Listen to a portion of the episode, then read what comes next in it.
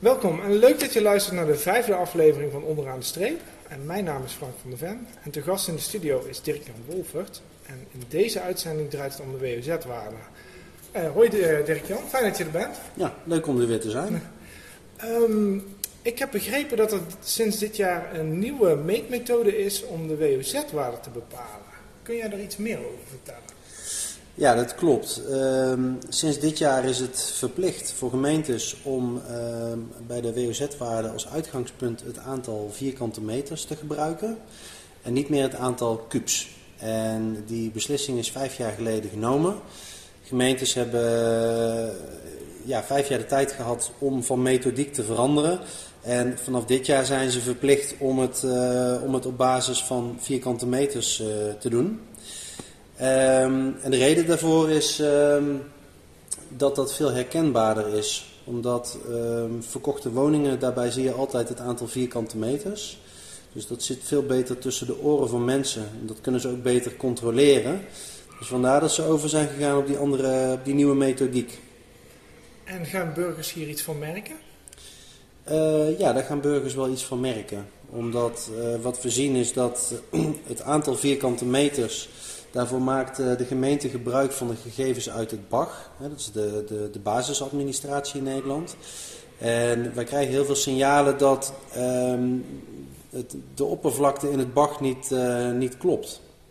En als dat uitgangspunt verkeerd is, en in de meeste gevallen uh, is dat een hoger aantal vierkante meters dan dat het, dat het daadwerkelijk is, ja, dan is de kans dat je een te hoge WOZ-waarde krijgt daardoor ook, ook groot. En denk je dat er nog uh, specifieke huishoudens zijn die hier het, meeste van zullen merken?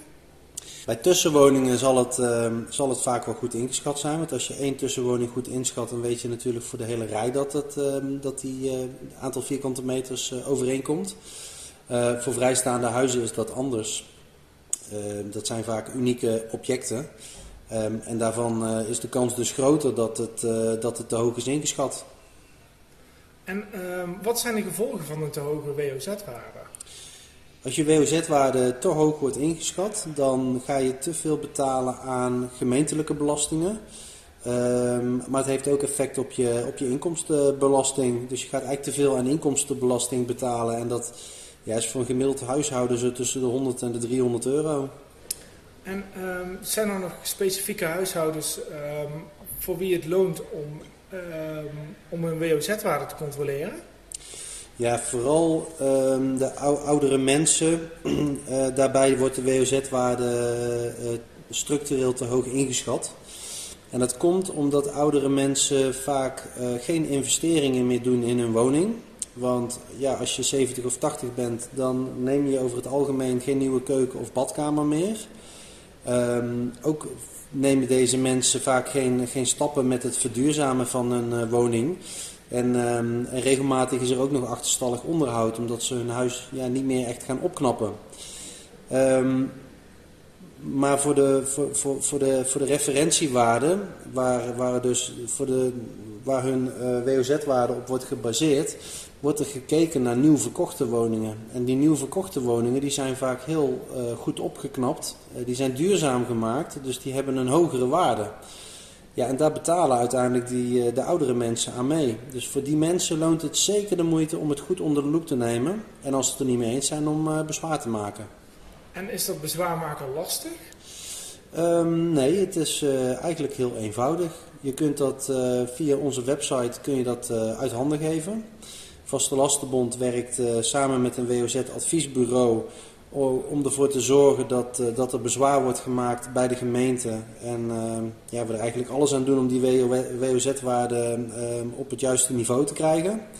Mensen kunnen het ook zelf doen bij de gemeente.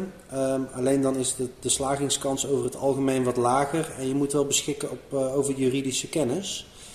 Um, en via, als je het via de Vaste Lastenbond doet, dan heb je het eigenlijk binnen twee minuten geregeld veel gemeentes die um, zijn niet heel erg enthousiast over WOZ-adviesbureaus. Dus misschien maakt dat mensen een beetje aan het, aan het twijfelen. Ja, kijk, eh, de, de gemeente die um, um, bepaalt jouw WOZ-waarde. En als burger heb je gewoon het recht om daar, uh, om daar bezwaar tegen te maken als je denkt dat het niet klopt.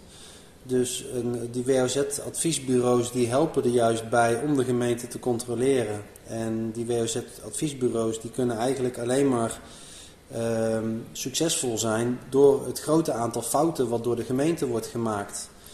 Uh, want een WOZ-adviesbureau krijgt alleen betaald op het moment dat de gemeente de WOZ-waarde te hoog heeft ingeschat. Dus als ze alle WOZ-waarden goed inschatten, ja, dan, eh, dan, dan zijn die, die adviesbureaus, uh, die bieden dan ook geen toegevoegde waarde. Nou, super, hartstikke helder. Graag tot de volgende uitzending. En die kun je volgende maand verwachten.